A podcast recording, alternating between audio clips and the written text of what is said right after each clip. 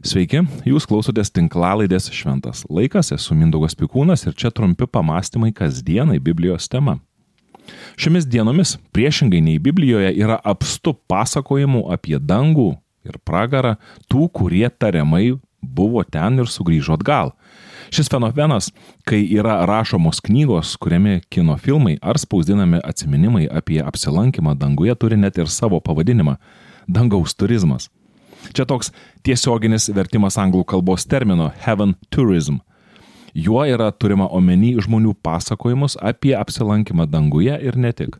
Ir tai, kad šis žanras turi net savo pavadinimą, atskleidžia jo populiarumą. Žmonės labai nori sužinoti, kas yra anapus mirties ir yra nemažai, kas apsilanko danguje, kad papasakotų. Vienas iš žymesnių yra Koltono Burpo istorija apie jo kelionę į dangų, kai jam buvo vos ketveri metai, kurią perpasakojo jo tėtis Todas Burpo, metodistų bendruomenės pastorius. Knyga Dangus tikrai yra tapo New York Times bestselleriu, o 2014 metais buvo pastatytas ir to paties pavadinimo meninis filmas.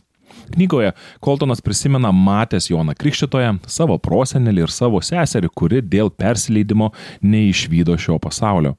Tokie sunaus pasakojimai jų pagristumu įtikino Koltono tėtį, nes jie sūnui nebuvo nieko pasakoję apie persileidimą, o anukas niekada nebuvo matęs senelio jauno, kurį danguje atpažino. Koltono pasakojimai virto knyga, kurios jau yra parduota daugiau nei 10 milijonų kopijų. Knyga virto kino filmo, o Koltono regėti vaizdai vaikams skirta spalvinimo knyga. Kaip minėjau, Koltonas Burpas nėra vienintelis tariamai paragavęs dangaus. Galima paminėti dar ir neurochirurgą Ibeną Aleksandrį parašiusi knygą Dangaus įrodymas - neurochirurgo kelionė į pomirtinį gyvenimą. Knyga 35 savaitės išbuvo perkamiausių knygų sąraše. O pavyzdžiui, šešiamečio Alekso Malarekei knyga Berniukas sugrįžęs iš dangaus, jos kopijų buvo parduota netgi daugiau nei milijonas kopijų. Tai tik aisbergo viršūnė e, knygų apie tai, ką žmonės regėjo pakilę ten, ką jie vadina dangų. Užtenka kiek pasidomėti ir dangaus turizmo žanre atrasite tokių, e, tokius knygų pavadinimus. Į dangų ir atgal. Gydytojas neįtikėtinas pasakojimas apie mirtį, dangų, angelus ir atgautą gyvenimą. Tikra istorija. 90 minučių danguje. Tikras pasakojimas apie mirtį ir gyvenimą.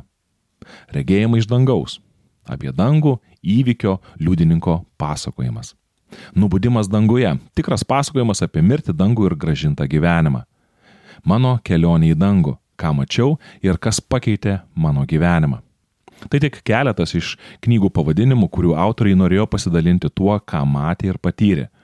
Sunku ignoruoti tokią gausą teigiančių apie anapusybės realybę. Nebandysiu neikti, jog dauguma šių ir panašių knygų autoriai nuoširdžiai tiki, kad buvo danguje, kad matė tai, ką matė ir kad dauguma iš jų nuoširdžiai nori pasidalinti savo patyrimais su kitais.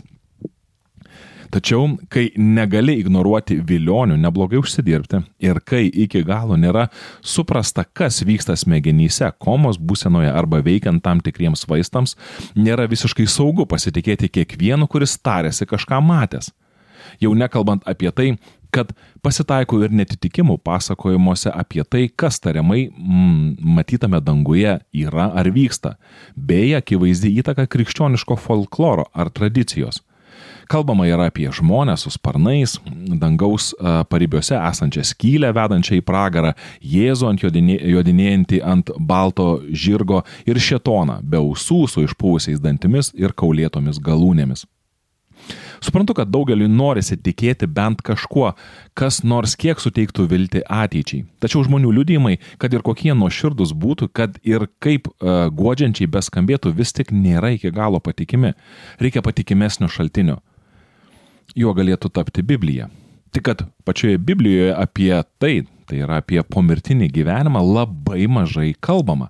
Yra keletas pranašų, kurie matė dangaus viziją, tačiau jiems buvo taip sunku ką nors konkretaus pasakyti, kad jie pasirinko kalbėti simboliais. Ypatingai tai galime pastebėti paskutinėje Biblijos knygoje - apriškimai Jonui. Na, buvo dar ir apaštas Paulius, kuris apie save kukliai rašė. Jei reikia girtis, nors iš to jokios naudos, eisiu prie viešpaties regėjimų ir apreiškimų. pažįstu žmogų Kristuje, kuris prieš 14 metų, ar kūne, ar be kūnio, nežinau, Dievas žino, buvo pagautas ir iškeltas iki trečiojo dangaus. Ir žinau, kad šitas žmogus, ar kūne, ar be kūne, be kūno, nežinau, Dievas žino, buvo paimtas į rojų ir girdėjo slaptingus žodžius, kurių nevalia žmogui ištarti. Antrasis laiškas korintiečiams, 12 skyrius, 1-4 eilutės. Kaip matote, ir iš apaštalo Pauliaus yra menkai naudos, nes tai, ką jis girdėjo ir matė, buvo skirta tik jo ausims ir akims. Gal žmonės nebuvo pasiruošę tada išgirsti daugiau apie dangų? Gal jau dabar atėjo metas mums apie tai sužinoti? Nemanau. Mes taip esame susikoncentravę ties tuo, kas bus ir ko nebus danguje, kad pro mūsų akis ir ausis gali nepastebėtos praeiti ir tikrosios žinios, tikroji žinia, kuri yra užrašyta Biblijos puslapiuose.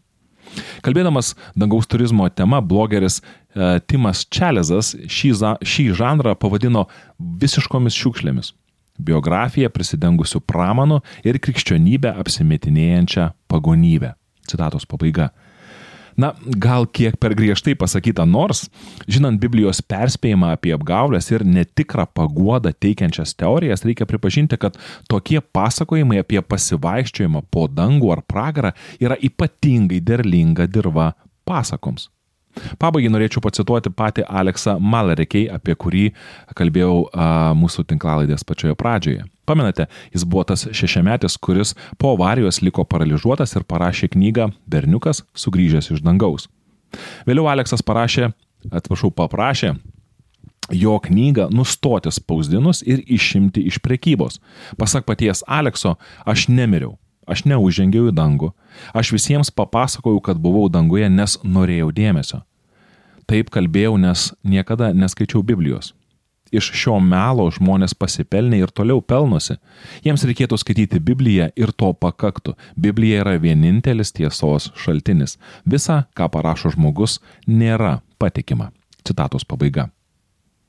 Manau, kad visiems yra pravartu įsiklausyti į šį patarimą. Klausykime žmonių, domėkime vienas kito gyvenimais ir išgyvenimais, tačiau savo tikėjimo šaknis tvirtai suleiskime į Dievo mums duotą žodį - Bibliją. Ir jei reikėtų rinktis, kieno žodžiu pasitikėti, pasitikėkime Dievo žodžiu. Jei ši žinia jūs palėtė, pasidalinkite ją su kitais. Na, o kad šių ir įvairesnių tinklalaidžių būtų sukurta daugiau, kviečiame paremti Šventas laikas veiklą per Contribui platformą. Ačiū tai jau padariusiems.